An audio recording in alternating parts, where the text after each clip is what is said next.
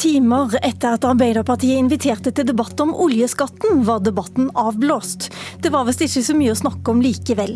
Og det er ikke så mye å diskutere om Forsvarets nye NH90-helikoptre heller.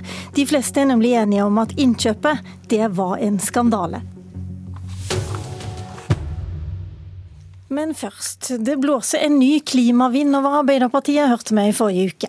Vi kan ikke frede oljepolitikken, sa energipolitisk talsmann Espen Barth Eide til Klassekampen. Nå skulle man diskutere både oljeskatten generelt og leterefusjonsordningen spesielt.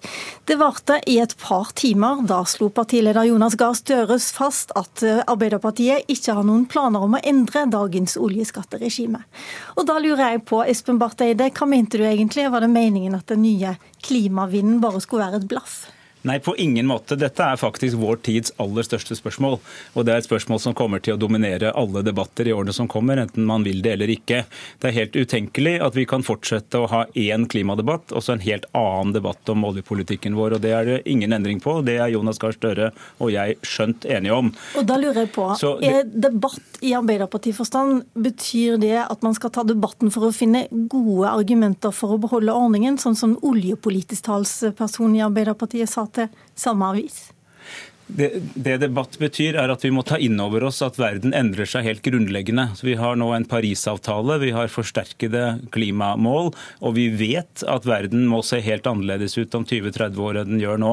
Når vi har gjort oss så avhengig av oljen, så må vi også skjønne at dette vil ha konsekvenser for oss. Det er ingen i Arbeiderpartiet som ikke mener at vi skal gjøre det. Det Jonas Gahr Støre helt riktig sa, og som jeg også sa i det samme intervjuet i Klassekampen, var at vi har ingen planer her og nå om å legge om verken skatteregimet generelt eller leterefusjonsordningen spesielt. Men vi må være åpne for å diskutere alle aspekter ved dette. fordi at det som var klokt i, i går, og det som er klokt i dag, er ikke nødvendigvis klokt i all fremtid. Og det er viktig at vi tenker både samfunnsøkonomisk lønnsomhet, altså ikke bare selskapenes lønnsomhet. Og det er også viktig at vi eh, omstiller oss i tide, slik at vi ikke blir sittende i skjegget med postkassa, i postkassa eh, med en industri som er overetablert i forhold til det som er fremtidens etterspørsel. Den debatten skal vi ikke bare ha, men jeg mener at Arbeiderpartiet må spille en ledende rolle. Vi er et ansvarlig styringsparti. Og i det 21. århundre så betyr ansvarlig styring at man styrer innenfor eh, naturens tåleevne, eller så styrer vi rett utenfor et stup. Og det å styre betyr ikke å kjøre rett frem mot et eh, stup. Men hvor viktig er det å ta den debatten nå, da, hvis ikke politikken skal endres nå? Kan du ikke bare utsette den og ta mer prekære debatter der det faktisk er snakk om å endre noe nå? Men det, det, Utgangspunktet for dette intervjuet var jo ikke et akutt behov for å endre noe her og nå. Utgangspunktet var at en rekke representanter for oljenæringen hadde gått til et massivt angrep på Ina Lidbakk, lederen i AUF og en rekke andre ungdomsstasjoner, og nærmest sa fy når de liksom åpnet munnen om å diskutere også disse spørsmålene. Det reagerte jeg og mange andre veldig kraftig på. Sa at dette er en helt legitim debatt. og Det er altså ikke sånn som det ble sagt, at eh, skoleverket har sviktet eller at ungdommen ikke har skjønt noe. Det er faktisk sånn at en del mennesker, unge mennesker og en god del voksne mennesker mener at vi er nødt til å eh, forstå hvor dette bærer. Og at det at noe har vært veldig godt styrt, for det mener jeg virkelig, og faktisk er i gode hender nå, betyr ikke at ikke vi må gjøre endringer underveis. Vi vet at eh, LO kom i alarmberedskap, i hvert fall deler av det. Vi vet at eh, store deler av Arbeiderpartiet på Vestlandet også ble alarmert av det du sa til Klassekampen. Men jeg lurer på de signalene du hører nå, Una Einar Bastholm, du er talsperson for Miljøpartiet De Grønne.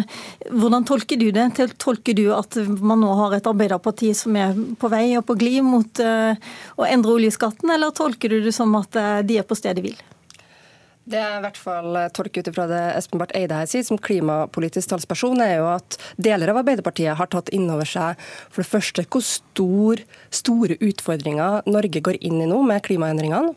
Og også hvor stor påvirkning det kommer til å ha for norsk økonomi. Eh, jeg har jo valgt bl.a. å sitte både i energi- og miljøkomiteen og i finanskomiteen, for jeg ser hvor utrolig tett det her hører sammen hvordan vi klarer å hindre klimaendringer, og hvor, mye, hvor, godt vi lykkes med det, har stor påvirkning på norsk økonomi, og hvordan vi skal rigge norsk økonomi for framtida. Jeg mener det burde vært en selvfølge at en klimapolitisk talsperson i ethvert parti i Norge kan gå ut og si at jeg inviterer til en debatt om å ha en debatt i det hele tatt om oljeskatteregimet. Fordi det vi gjør i dag, er å subsidiere den næringa som bidrar til nest størst utslipp i Norge. Og da har vi ikke engang begynt å regne med de 90% av utslippene fra norsk olje og gass som kommer fra forbruket, altså når norsk olje og gass brennes, mye av det i utlandet.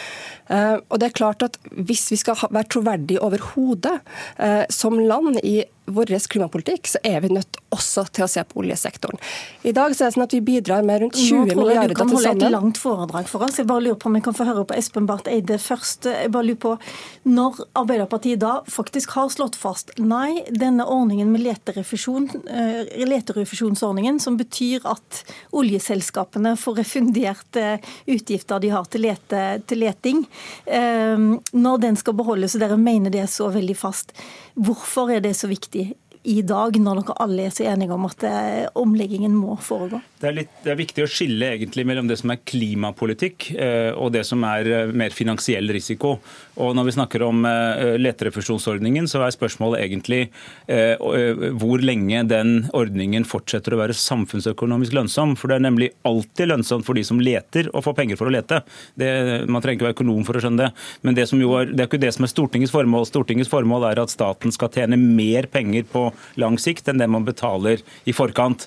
Og Så langt har vi gjort det, og vi mener at vi gjør det i dag. Men jeg mener også at det er legitimt å si at det kommer en dag en gang i, i tiden hvor det vil være mindre tilbake enn eh, en det vi legger inn i den. og Det har å gjøre med forventninger om fremtidig etterspørsel. Så det er egentlig på en måte et økonomisk eller finansielt eh, problemstilling som er litt bare, annerledes av den brede. Det er bare økonomien i det som avgjør, det er ikke noe dere skal pushe på, eller som staten skal være noen pådriver for? Men altså, Der hvor, der hvor Una Aina Bastholm MDG og vi skiller lag, er på om vi skal gå inn aktivt og avvikle oljebransjen. Styrt avvikling. Det mener ikke vi.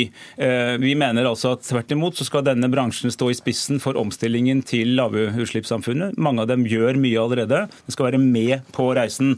Men politikken må tilpasse seg underveis eh, til eh, hvilken fremtid vi ser. Og vi må egentlig høre på det statlig oppnevnte Klimarisikoutvalget, som beskriver dette på en utmerket måte.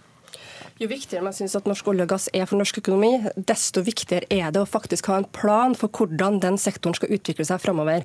Når vi sier at man skal ha en styrt avvikling, så betyr jo det egentlig bare at man begynner med å se på den virkemiddelpakka rundt olje- og gassektoren, som i dag eh, ser ut som den gjorde for mange år siden, når vi ønska mer investeringer inn i den sektoren her. Det ønsker vi ikke nå. Vi ønsker jo egentlig å bli mindre oljeavhengig, fordi vi vet at dersom verden skal lykkes med å hindre alvorlige, livstruende klimaendringer, så kommer det til å påvirke markedet for vår olje og gass. Og det gjør det allerede. Europa ser helt andre veier. De ønsker å være selvforsynt eh, på energi på sikt. Det betyr at de vil bygge opp en fornybar energisektor eh, som direkte utfordrer okay. Norge. Og Derfor mener jeg at det er et akutt behov for også å se på leterefusjonsordninga. Fordi det er en ordning i dag som bidrar til at vi leter mer etter olje og gass enn vi trenger å gjøre. Selskapene tar ingen risiko. Det betyr at vi som det norske samfunnet tar den risikoen på vegne av de selskapene og leter etter olje og gass som vi aldri kommer til å skulle ta opp. fordi men, verdensmarkedet Men foreløpig så har Arbeiderpartiet sagt nei til å ta det til å i hvert fall endre akkurat nå, men vi får ja, men se hvor mye debatt det blir jo, igjen etter dette. Debatt. Altså, vi, vi mener at det vil være direkte uansvarlig for et styringsparti ikke ta en diskusjon om disse spørsmålene, men diskusjon betyr ikke at vi har en umiddelbar plan om endring, for den må stå i forhold til hvordan verden ser ut på det tidspunktet. Da har vi i hvert fall eh, satt i gang en liten start på det. Tusen takk, eh, Une Bastholm. Og Espen Barth Eide, du skal få bli værende til det neste seansen også. Abonner på Politisk kvarter som podkast, og få sendingen rett til din mobil. Inn døra kommer mannen som faktisk innførte oljeskattene i sin tid, men han skal få snakke om noe helt annet. For eh, mens Nato og Trump ber Norge, ber, eh, ber Norge bruke mer penger på Forsvaret, har vi en fregatt til fire milliarder kroner liggende i fjæresteinene i Hjeltefjorden. Og i dag skal ikke mindre enn seks tidligere og en nåværende forsvarsminister snakke om en annen forsvarsinvestering, som vi må kunne si det er tverrpolitisk enighet om å kalle en fadese. Det starta i 2001. Da ble kontrakt inngått på 14 helikoptre som skulle brukes av Kystvakta og til fregattene. Per i dag har Forsvaret fått to NH90-helikoptre som kalles ferdige, selv om de egentlig ikke er helt som bestilt heller.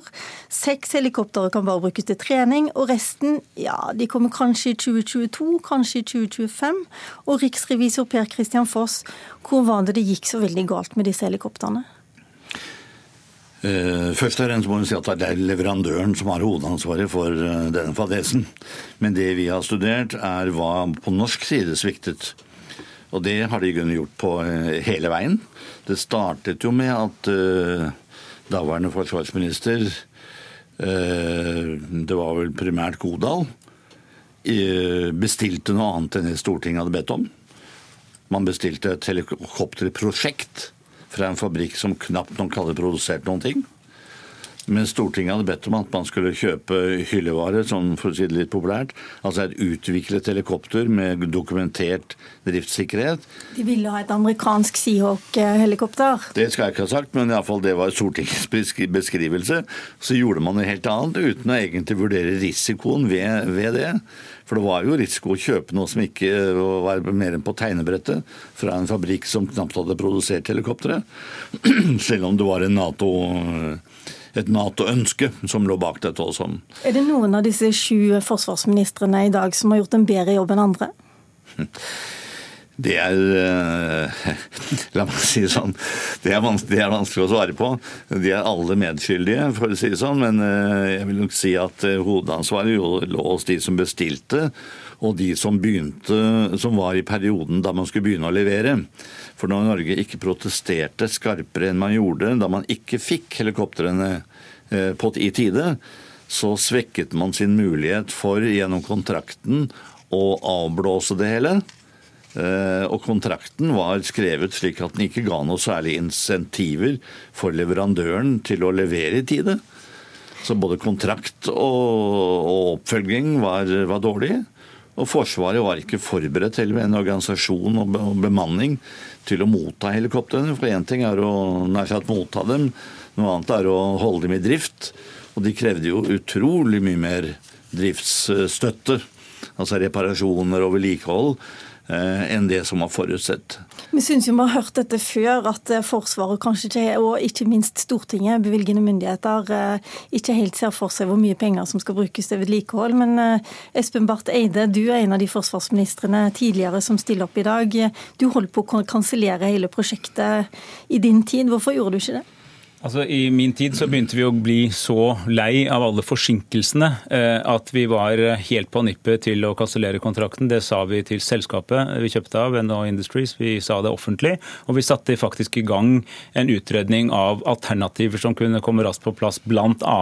amerikanske Seahawk, som jo var et eh, fullt ut eksisterende helikopter. Eh, så ble jeg utenriksminister før den saken konkluderte, og min etterfølger og tidligere forgjenger Anne Grete Strøm Eriksen overtok. Hun fikk da konklusjonen på den utredningen, og det var at man skulle, eh, man skulle prøve en runde til. fordi at i den perioden så begynte de første helikoptrene komme, vel å merke uferdige. Ikke det varianten vi hadde bestilt, men for å begynne å drifte organisasjonen. Men vi var veldig nær, eh, og jeg mener at det er en veldig riktig og viktig gjennomgang vi nå har av dette. Angrer du på at du ikke kansellerte? Ja, Det er lett å være etterpåklok. Altså, slik det ser ut nå, så det kunne det kanskje vært riktig. Men jeg, også, men jeg har også lyst til å være ærlig på at jeg har ikke fulgt så nøye med i hva som har skjedd under de faktisk tre forsvarsministre som fulgte etter meg, altså Strøm Eriksen, Ine Marie Eriksen Søreide og Frank Bakke-Jensen. Så jeg har ikke jeg jo se etter høringen, da. Men, eh, men, jeg mener i hvert fall at vi må trekke noen overordnede lærdommer. Og den store lærdommen for meg er at kanskje vi skal være forsiktige når det ikke trengs, for å gå inn i veldig store, dyre, kompliserte utviklingsprosjekter når det faktisk finnes godt nok alternativer på markedet. Jeg syns jeg har hørt det før, Per Kristian Foss. Akkurat den der. At det ofte blir litt stort og litt dyrt, og at man ikke syns det er så stas å bruke penger på vedlikehold. Det er kanskje en tendens til at teknologer eh, fascineres veldig av utviklingsprosjekter, og ikke så mye av det som finnes. Hva forventer du i dag av høringen? Jeg forventer at uh, Forsvaret og Forsvarsdepartementet tar lærdom av dette prosjektet. For det, er, det har gått galt fra begynnelsen til slutten av skjert. Det er ikke slutt ennå. Men også organiseringen av prosjektet har ikke vært styrt fra ledelsen sterkt nok.